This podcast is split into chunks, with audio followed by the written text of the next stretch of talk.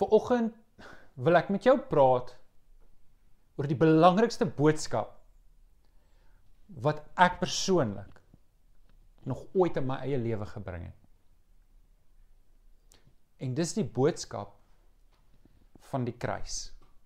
Die boodskap van die kruisiging van Jesus Christus.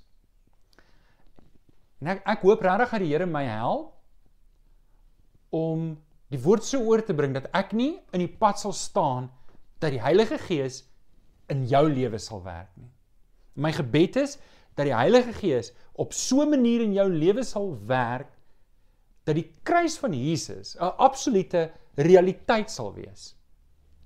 Paulus sê in Romeine 1:16 ek skaam my nie oor die evangelie nie want dit is die krag van God tot redding vir elkeen wat glo.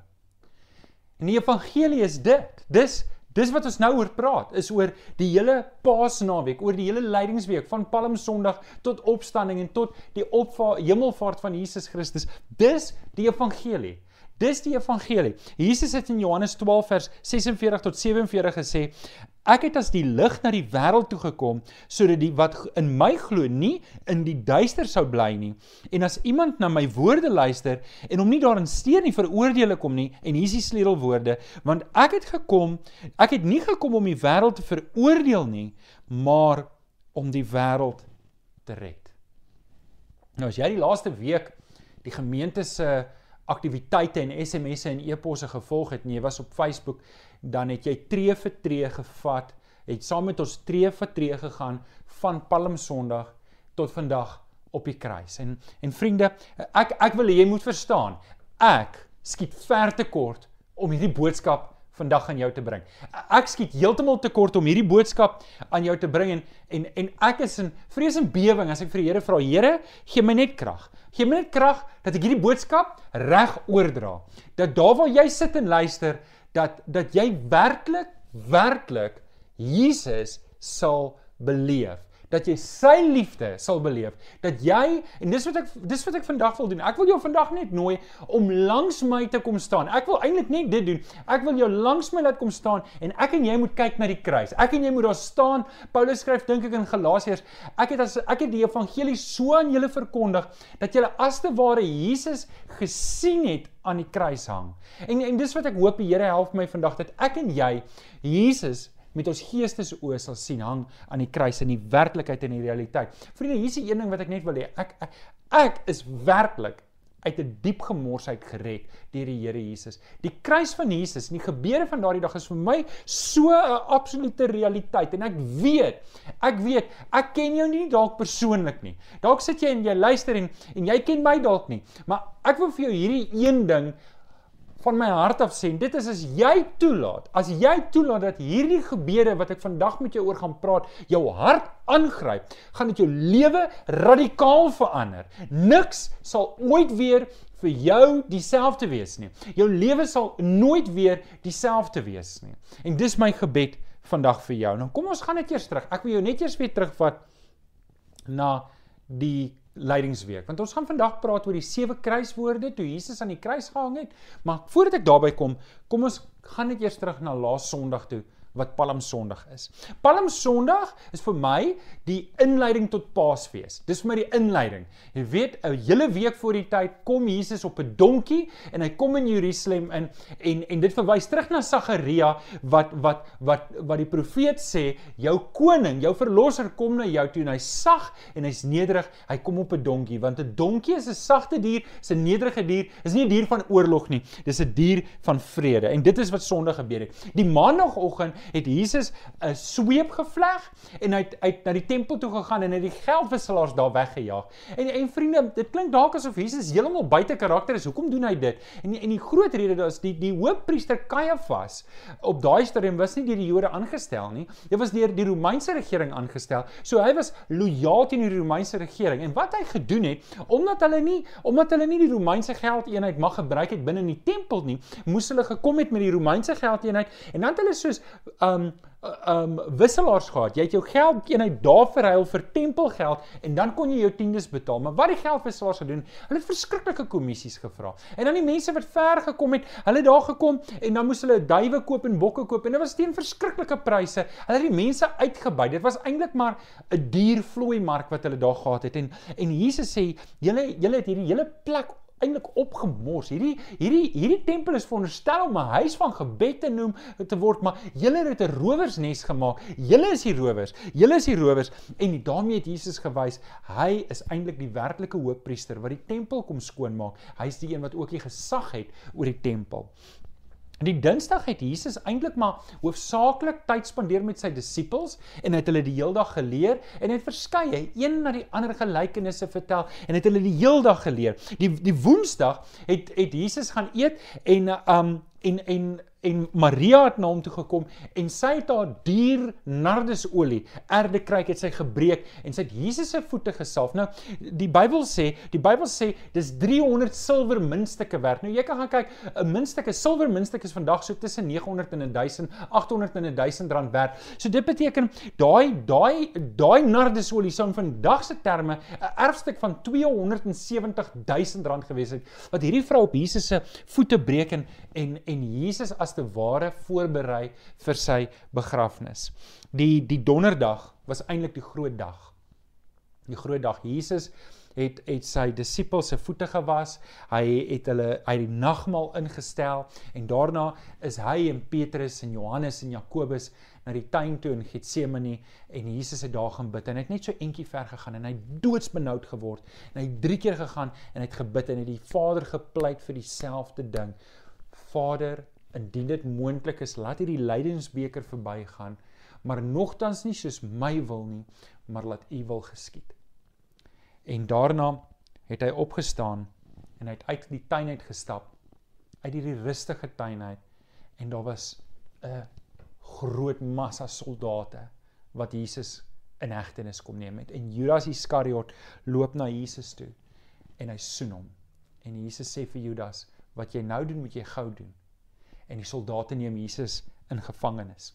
En hulle vat hom eers na Kajafas toe, na die hoofpriester toe dat hy daar geoordeel en dis maar eintlik net 'n boendehof. Dit was eintlik maar net 'n boendehof. Jy weet in 'n boendehof werk dit so as hulle besluit het om jou te veroordeel, gaan hulle jou veroordeel. Maak nie saak wat jy sê nie. Hulle het klaar besluit jy's skuldig. Hulle het jou klaar veroordeel. Hulle het klaar besluit wat hulle met jou gaan doen.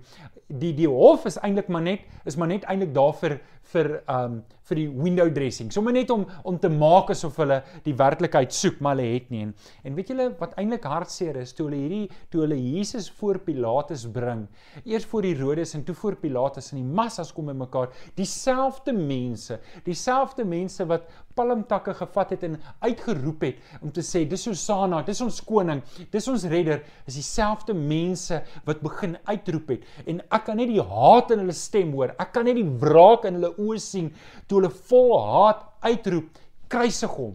Kruisig hom! Kruisig hom!" En en Pilatus sê: "Maar ek kry niks fout in hierdie man nie. Hoe, hoe wat van sy bloed?" En en hulle sê: "Hoorie, hierdie volk skree uit: "Laat laat sy bloed op ons en op ons kinders kom en hulle so volhard dieselfde mense dieselfde weke mense wat minder as 'n week terug uitgeroep het Hosanna red ons is dieselfde mense wat eintlik pleit en sobat by Pilatus dat hy gekruisig moet word ek dink dis 'n verskriklike hartseer oomblik. En Pilatus steek net sy hande op en hy sê luister. En hy vat 'n bak water en hy was sy hande en hy sê ek is nie skuldig aan wat julle hier doen nie. Julle het gevra hiervoor. En hy het Jesus oorgegee om gekruisig te word. Vriende wat hier navolg is seker die brutaalste wreedste manier om iemand dood te maak.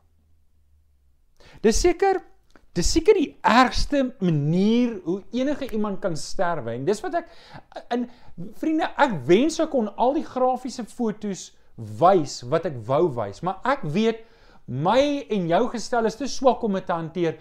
Dit sal vir ons nagmerries gee om te sien wat Jesus werklik moes deurgaan. En en die prentjies wat ek gaan wys is maar so afgewater teenoor wat werklik gebeur het en en ek wens so ek kon vir jou werklik sê wat Jesus moes deurgaan om gekruisig te word. Vriende, jy moet onthou dat Jesus terwyl hy werklik God was, dis God wat vir ons gesterf het, is hy werklik mens. Die pyn wat hy beleef het, is dieselfde pyn wat ek en jy sou beleef as ons aan daardie kruis hang. As ons moes deurgaan wat Jesus deurgaan. En ek wil net hê terwyl ek hierdie goed verduidelik, moenie in die versoeking kom om te sê ja, maar Jesus is God, hy het dit ligter beleef nie. Hy het nie. Hy het nie. Hy het hy het dit beleef soos wat ek en jy dit sou beleef. En terwyl ek julle die volgende gebeure gaan vertel, wil ek half en half hê jy moet jouself indink as dit met jou moes gebeur het. Want as dit met jou moes gebeur het en dit moes met jou gebeur het. Dit moes met my gebeur het. Dis dis die straf wat ek en jy verdien.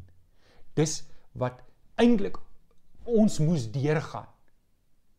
En Jesus het dit in my en in jou plek kom doen. Sodat ons nie hoef te sterf vir ons sonde nie. Maar as ons Jesus aanneem, die ewige lewe kry. So ek gaan my bes doen om dit vir julle te verduidelik.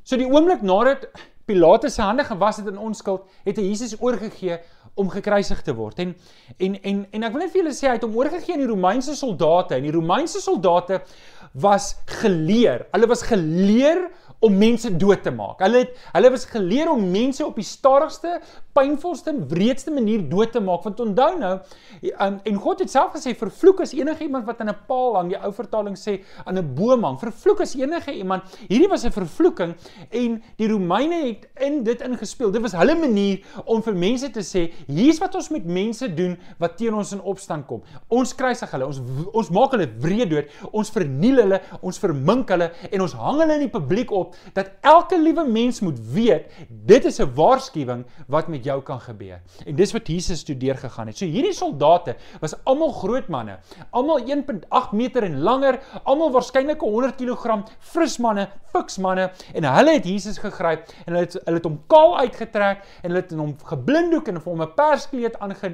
aangetrek en toe het hulle hom met die vuis begin slaan. Hulle het hom een vir een in die vuis met die in die gesig begin slaan en hulle hulle het aanhou en dan sê hulle ha ha ha jy's mos 'n profeet. Sê vir ons, wie het jou geslaan? En hulle het aangehou en aangehou en ek kan net dink hoe die Romeinse soldate om hom gedrom en geniet het om hom te slaan met die vuis in die gesig. Kan jy die pyn, kan jy die vernedering, kan jy die die warboel indink as dit jy moes gewees het wat daar staan? En toe hulle klaar is, het hulle hom vasgemaak en het hom met 'n sweep geslaan. En as ek as ek lees waar die Jesus moes gaan, is dit 'n wonderwerk dat hy nie daar dood is aan bloedverlies nie. Aan aan want wat hulle gedoen het, hulle het 'n sweep gevat met stukkies been en metaal en dan wat hulle doen is dit is soos hakke amper wat hulle as hulle hom slaan dan hak dit in die vleis in en dan daai sterk soldaat pluk terug en dan pluk dit as 'n ware stukke van Jesus se rug uit. En daar het Jesus aan hierdie paal vasgemaak en hy het meer houe gekry as wat enige iemand voor hom gekry het. Dis amper asof die soldate dit verloor het. Asof hulle nie eintlik omgegee het nie, asof hulle gedink het dis oukei okay as ons hom hier doodmaak. En dit was alles in die publiek. Dit was nie in die privaat nie. Mense kon dit sien waar hy so verniel word. Daarna moes hy met die Via Dolorosa moes hy die kruis dra.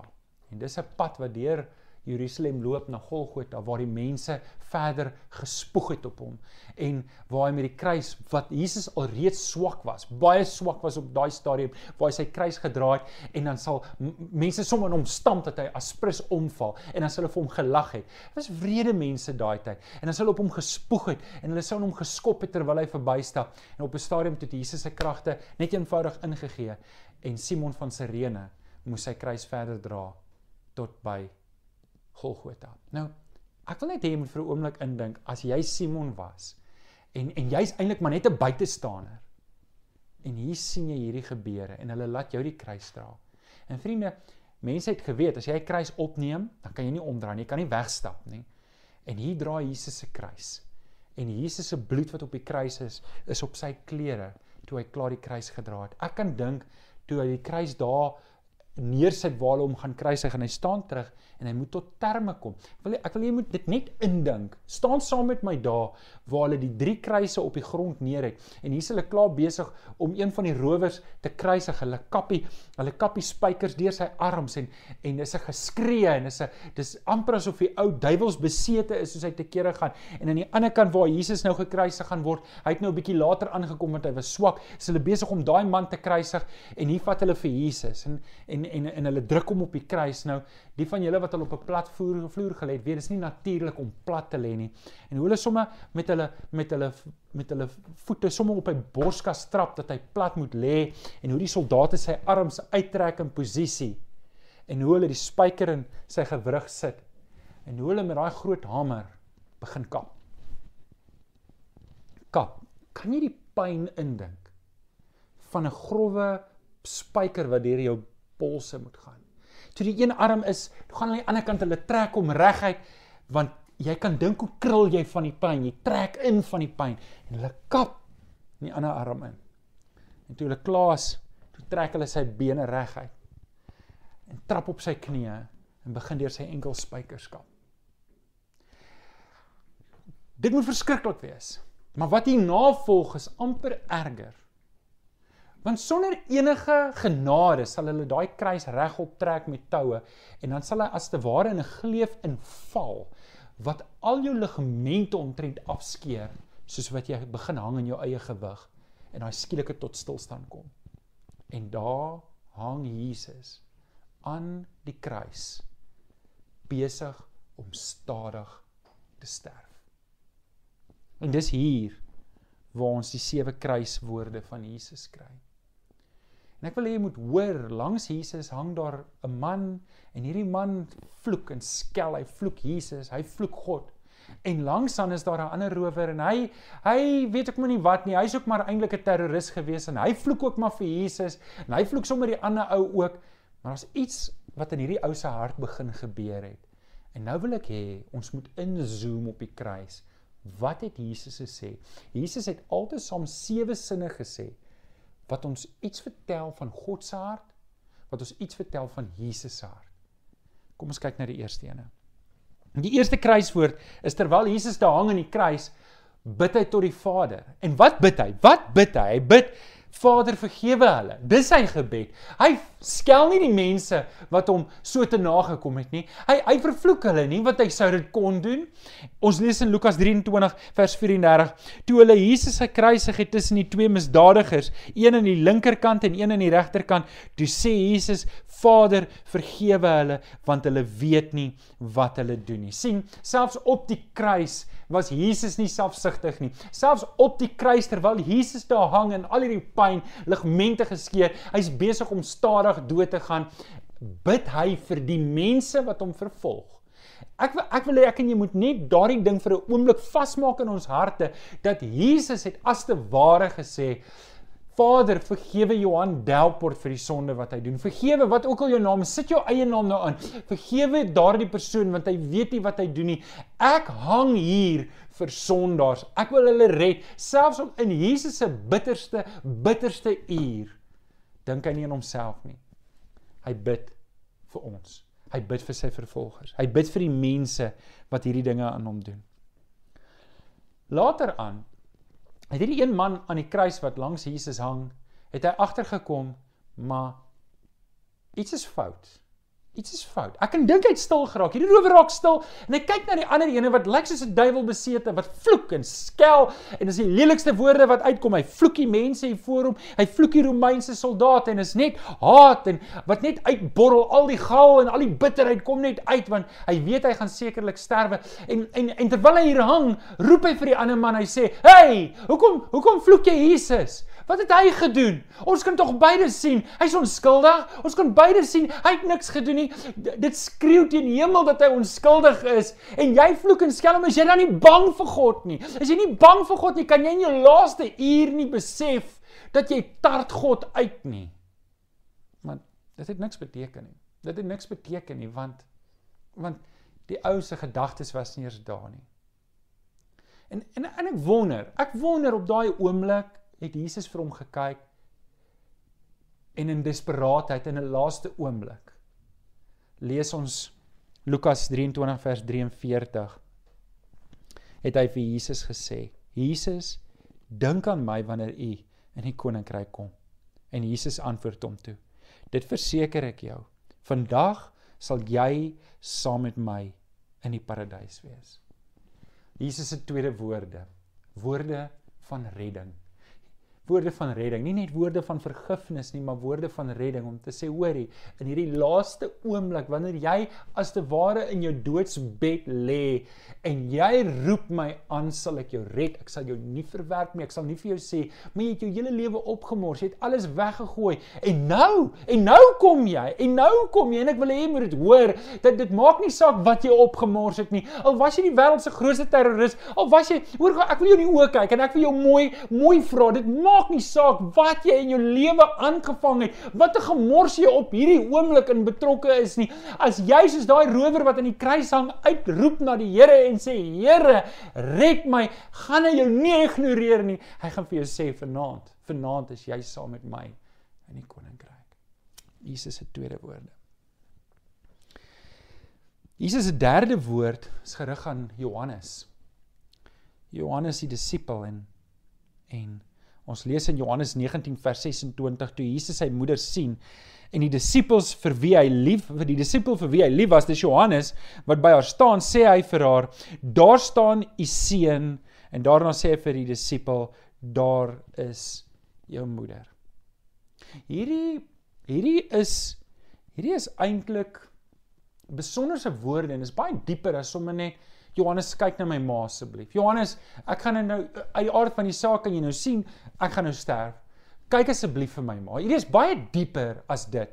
Nou, ons weet nie waar Josef is nie. Ons weet iewers tussen wat Jesus 12 jaar is en Jesus 30 jaar is, is het Josef waarskynlik afgesterf. Um, ons weet nie waar hy is nie. Ons lei af hy's afgesterf en en Jesus wat die oudste seun was, se verantwoordelikheid was om na die ma te kyk. Dit was sy werk om na die ma te kyk. En hier op Jesus se laaste oomblikke het trek hy nie net sy skouers op en sê wel ek gaan nou sterf, ek kan nie verder vir haar kyk nie. Jesus maak voorsiening vir sy ma. Hy hy hy hy volbring sy aardse verantwoordelikheid. En hier is vir ons 'n mooi ding dat ek en jy moet weet dat ons moet voorsiening maak vir ons geliefdes. Ons moet voorsiening maak vir ons geliefdes. Ons kan nie net skouers optrek en sê as ek nie daar is nie, dan maak dit nie meer saak nie. Dit maak saak. Jesus wys vir ons hierdie voorbeeld as oudste seun dat selfs in sy laaste oomblik het hy nie sy aardse verantwoordelikheid weggestoot van hom af nie. Dis sy derde woord. Die die die vierde woord is weer eens 'n gebed. Die vierde woord is weer eens 'n gebed. En hierdie hierdie is 'n gebed onthou nou die die kruisdood se se uh, jy dis progressief. Jy's besig om progressief agteruit te gaan. Dis eintlik degressief dink ek. Jy jy's besig om sistematies agteruit te gaan terwyl jy daar so met ander woorde jy jy's jy's besig om jou krag te verloor teen 'n geweldige tempo. Jy raak al swakker en al swakker soos wat jou ligamente geskeur is, begin jou jou hart swaar trek. Hy kan nie meer die vog uitkry nie en dan raak jou longe vol vog. So jy's eintlik besig om te verdrink terwyl jy daar hang aan jou eie vog. Jy kan jy jy hang daar, jy's besig om en en jy beleef al die hel, maar dat dat dat 'n baie belangrike ding gebeur gebeur terwyl Jesus aan die kruis is. Want sien, ons doen nou die sewe, ons doen die sewe kruiswoorde en ons het laas jaar die sewe um wonderwerke gedoen in die kruis en en op daai oomblik raak dit donker en en God verwerp sy seun. God bring al die sonde van die hele mensdom en en hy laai dit op Jesus. Hoor gou mooi wat ek nou vir jou sê. Hoor gou mooi wat ek vir jou sê. Jesus vat jou sonde, al jou sonde wat jy al gedoen het en al jou sonde wat jy nog moet doen en en en en hy sit dit op Jesus op die kruis terwyl Jesus hang daar. En dit is nie net jou sonde nie, dis my sonde, die hele wêreld se sonde laai hy daar op die op op Jesus op die kruis en Jesus in daai oomblik oomblik van swakheid word hy verwerp deur sy eie Vader en ons lees in Matteus 27 vers 46 teen 3 het Jesus hart uitgeroep Eli Eli lema sabachthani. En dit is as jy dit oorvertaal in Afrikaans my God my God waarom het u my verlaat? En weet julle dis kosbaar dat hierdie gebed in aramees opgeteken is want jy weet nie wanneer ek ek spot altyd en sê ek praat net Engels in selfverdediging So wanneer ek tussen mense is, praat ek Engels wat Engels is sodat hulle my kan verstaan. Vir ander veral wanneer dit kom by die evangelie. Maar as ek bid, bid ek in my eie taal. En die feit dat Jesus nie in Grieks gepraat het daar nie, want wat 'n aanvaarbare algemene taal was in daai tyd. Hy bid in sy moedertaal. Hy bid in Aramees. Hy praat met God in 'n oomblik van intensiteit wat hy sê: "God, Vader, waarom het U my verlaat?" Ek wil hê jy moet dit beleef op daai oomblik. Ek en my seun het 'n baie goeie verhouding. Ek's baie lief vir albei my kinders. En maar die rede hoekom ek my seun nou noem is want Jesus 'n spesiale verhouding tussen 'n pa en 'n seun, tussen God die Vader en die seun en En en en ek kan onthou, daar was min dinge wat my so bly gemaak het is wanneer my pa trots was op my. Wanneer my pa, ek het sweets verkoop op skool en ek en as my familie daar was, het my pa altyd vertel van weet wat ek nou weer gedoen het. En dit was lekker vir my dat my pa trots is op my.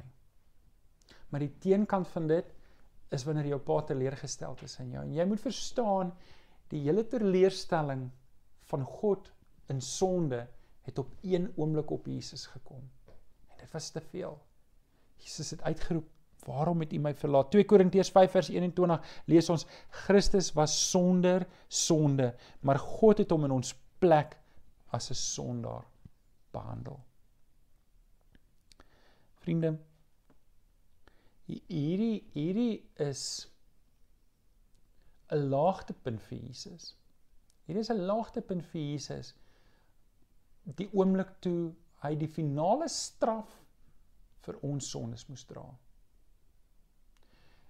Is vir ons 'n hoogtepunt, maar vir Jesus was dit 'n laagtepunt. Daarna lees ons die 5de woord, het hy gesê ek is dors. In Johannes 19 vers 28 staan daar hierna het Jesus met die wete dat dit vol klaar volbring is en sodat die skrif vervul kan word gesê ek is dors. Nou, is interessant dat Jesus was um ek dink die, die regte woord is corpus mentis. Met ander woorde was hy heeltyd by. Al was hy swak, al was hy besig om te sterf, het God dit so beskik dat hy selfs op die laaste oomblik nog by was en verstaan wat om hom aangaan. Sodat hy nog op die laaste oomblik geweet het daar is nog een profesie wat van toepassing is op hom wat vervul moet word. En en Jesus het een vir een, een vir een het hy al die Ou Testamentiese profeseë wat van toepassing op hom van sy geboorte tot by sy kruisdood het hy een vir een vervul dat Wanneer ons na die skrifte kyk en sien maar hy is die Messias. En hierdie spesifieke ene lees ons in Psalm 69 vers 22 wat sê toe ek honger was, het hulle my gif aangebied. Toe ek dors was, het hulle my asyn laat drink. En dis wat hulle gedoen het. Hulle het hulle het suur wyn en gal gemeng en vir hom gegee om te drink. En dit was die laaste profesie wat in vervulling moes gaan. En toe het Jesus uitgeroep in Johannes 19 vers 30 nadat Jesus die suur wyn gekry het het hy gesê dit is volbring. Nou voordat ons na die res van daai vers kyk, wil ek dalk net iets sê op hierdie. Hier is Jesus, hier is Jesus se sesde kruiswoord sê dit is volbring. Alles wat die Ou Testament van toepassing was op my is nou volbring. Ek is die Messias en en dis die ding. Ons het met Palm Sondag gesê, luister, jy kan jy kan Jesus aanneem, jy kan hom verwerp, maar jy kan hom nie ignoreer nie. En hier is die punt wat almal wat verbystap, hulle kon besluit wat hulle wil, hulle kon glo wat hulle wil oor Jesus, maar hulle kon Jesus nie ignoreer nie. Nie nie die rowers nie, nie Kajafas nie, nie die disippels nie, nie die volk nie en nie die heidene nie. Jy kan Jesus nie ignoreer nie. Maak nie saak wat jy met hom doen nie. Jy kan hom verwerp, jy kan hom aanvaar, maar jy kan hom nie ignoreer nie. Hy het die profesie vervul. Hy is die Messias. En met dit in gedagte het hy 'n laaste gebed gebid. En dit is in Lukas 23 vers 46. Jesus het hard uitgeroep: Vader, in U hande gee ek my gees oor. Na hierdie woorde het hy sy laaste asem uitgeblaas en uitgesterf. Vriende, ek begin hier om vir jou te sê hierdie is seker die belangrikste en die grootste boodskap wat ek nog ooit kon bring en gebring het. En dis die boodskap van die kruis. En en daar's 'n vers wat ek eendag gelees het en dis regtig my gebed vir my eie lewe en mag dit die Here wees dat hy dit vir jou die gebed van jou lewe ook maak. En dis 1 Korintiërs 2 vers 2 Wat Paulus sê, ek het my voorgenem om met julle oor niks anders te praat nie as oor Jesus as die Christus en wel hom as die gekruisigde. Dis waar die krag van God lê. Dis wanneer ek dit wat Jesus aan die kruis gedoen het aanvaar. Nou vriende, gaan ek die boodskap hier los en en jy gaan voel maar Johan, dit kan nie dit kan nie hier eindig nie. Dit dit kan nie hier eindig nie. Jy jy jy kan nie jy kan nie die verhaal net hier los nie. Ons jy moet vir ons vertel wat volgende gebeur het. Jy moet vir ons vertel wat, wat nou? En, en vriende, ek moet dit hier los want want ons moet nou wag tot Sondag toe. En en ek wil jou mooi vra, moenie moenie hierdie tyd laat verbygaan nie. Laat laat laat laat die feit dat Jesus gehang het aan die kruis daar en die soldate wat die spies in sy sy gedruk het en daar bloed en water uitgekom het wat bevestig het hy's dood. Dit was nie 'n skyndood nie, dit was 'n regte regte dood. En het hom daar afgehaal en het hom begrawe. En en dit was wat die mense beleef het. Dis verby. Alles wat ons ons hoop opgesit het die laaste 3 jaar is verby. En vriende, ek wil hê dit moet net vir 'n oomblik, net vir 'n oomblik in ons harte bly, want Sondagoggend gaan ons die oorwinningsboodskap doen saam met Dominee Chris. En ek wil hê jy moet ek wil hê jy moet inskakel. As jy nie as jy nie 'n kaartjie kon kry, 'n stoel kon bespreek kry, wil ek hê jy moet inskakel vir hierdie ene. Want eintlik stop ons nou in die middel van hierdie boodskap. Maar dis goed. Want ek en jy net laat die kruis van Jesus in die gebeure net in ons harte insink. Nou vriende, ek gaan nou saam met jou bid en dan gaan ons nog 'n lied saam met Kenneth doen. This is amazing grace want dit is so gepas en daarna wil ek jou graag bedien met nagmaal. Kom ons bid saam. Vader, hierdie gebeure gryp my hart aan. Here, elke keer as ek hieroor praat, elke keer as ek hieroor dink, elke keer as ek hieroor preek dan dan breek dit van voor af my hart, Here. En Here, ek besef as dit nie gebeur het nie, was daar nie redding vir ons nie. Daar was nie redding vir my nie. So Here, ek is gebroke oor my eie sonde. Maar ek is so dankbaar vir die kruis van Jesus. Here, kom maak hierdie dinge waar dit nou vandag goeie Vrydag is, môre Saterdag en Sondag, kom maak hierdie dinge diep in ons harte vas. Here, dat dit ons lewe sal verander. In Jesus naam bid ons dit. Amen. Kom ons kom ons geniet net die volgende lied. Sing hom saam as jy hom ken, saam met kenner en dan bedien ek jou nou met nagmaal.